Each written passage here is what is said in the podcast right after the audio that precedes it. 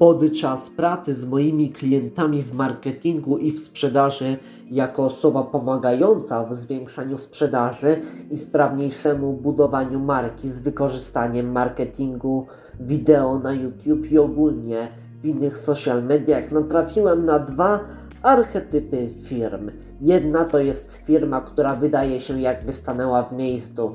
Gdyby powiedzieć, że jej metody są przestarzałe i, nie, i, i niedostosowane do zmieniającej się rzeczywistości, to jakby nic nie powiedzieć.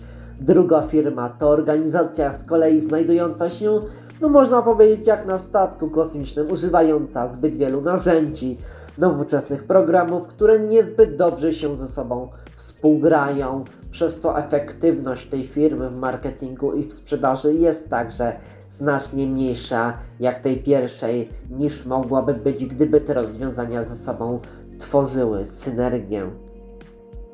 Wiadomo, nie chcemy być ani tą pierwszą, ani tą drugą firmą. Skrajności bywają zawsze złe, jednak co zrobić, aby z jednej strony wdrażać innowacje technologiczne, prawne, proceduralne czy jakieś inne do naszej organizacji, a z drugiej strony, aby zbyt mocno nie przesadzić z wprowadzonymi zmianami?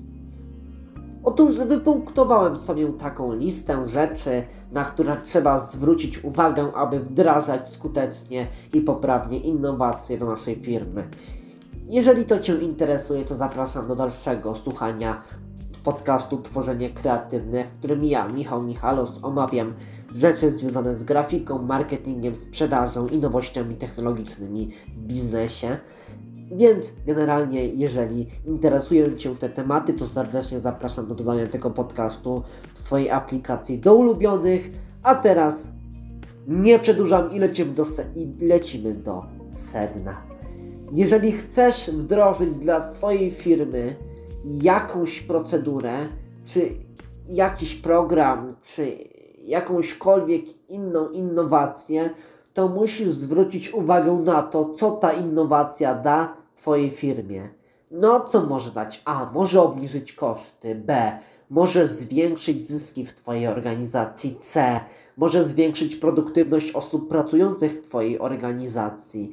D. Może pozwolić rozwiązać Twojej organizacji jakieś niecodzienne i skomplikowane problemy. E. Może zwiększyć produktywność pewnych procesów i tak dalej. Po drugie, pamiętaj, że testowanie różnych rozwiązań to najlepsze, co możesz zrobić dla swojej firmy ale zbyt ciągłe zmiany, na przykład poprzednich zmian, rozwiązań i procesów, które nie miały pełnej okazji, aby pokazać swoje wszystkie możliwości, to totalnie słabe i nieproduktywne działanie dla Twojej organizacji, wręcz głupie.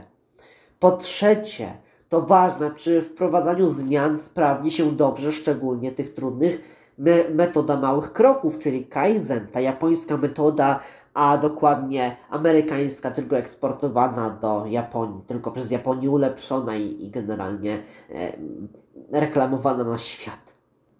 Po czwarte, warto, aby niby komunikować współpracownikom to, że mile widziane są pomysły na innowacje z ich strony, które pomagają w rozwoju firmy, które pomogą w jej rozwoju oczywiście trzeba ludzi w organizacji jakoś do tego motywować. Może to być motywacja finansowa, premia, awanse moralno i duchowa, zmiany świata, misji firmy i tak.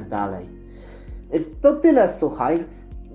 Odcinek bardzo konkretny. Dziękuję, że wysłuchałeś ten cały odcinek do końca. Jeszcze raz dzięki. Będę się z Tobą żegnał. I to tyle, słuchaj z takich typowo merytorycznych rzeczy, a mam jeszcze taką informację organizacyjną, no bo jednak jeżeli chciałbyś może dotrzeć do nowych klientów, pozyskać nowych klientów za pomocą wideo marketingu na YouTube, to serdecznie zapraszam do kontaktu i przez to wyprzedzić swoją konkurencję poprzez moją stronę michalmichalos.pl lub pisząc bezpośrednio na mój e-mail michalos5504 gmail.com jeszcze raz dzięki, że oglądałeś. Cześć Papi, słyszymy się za tydzień.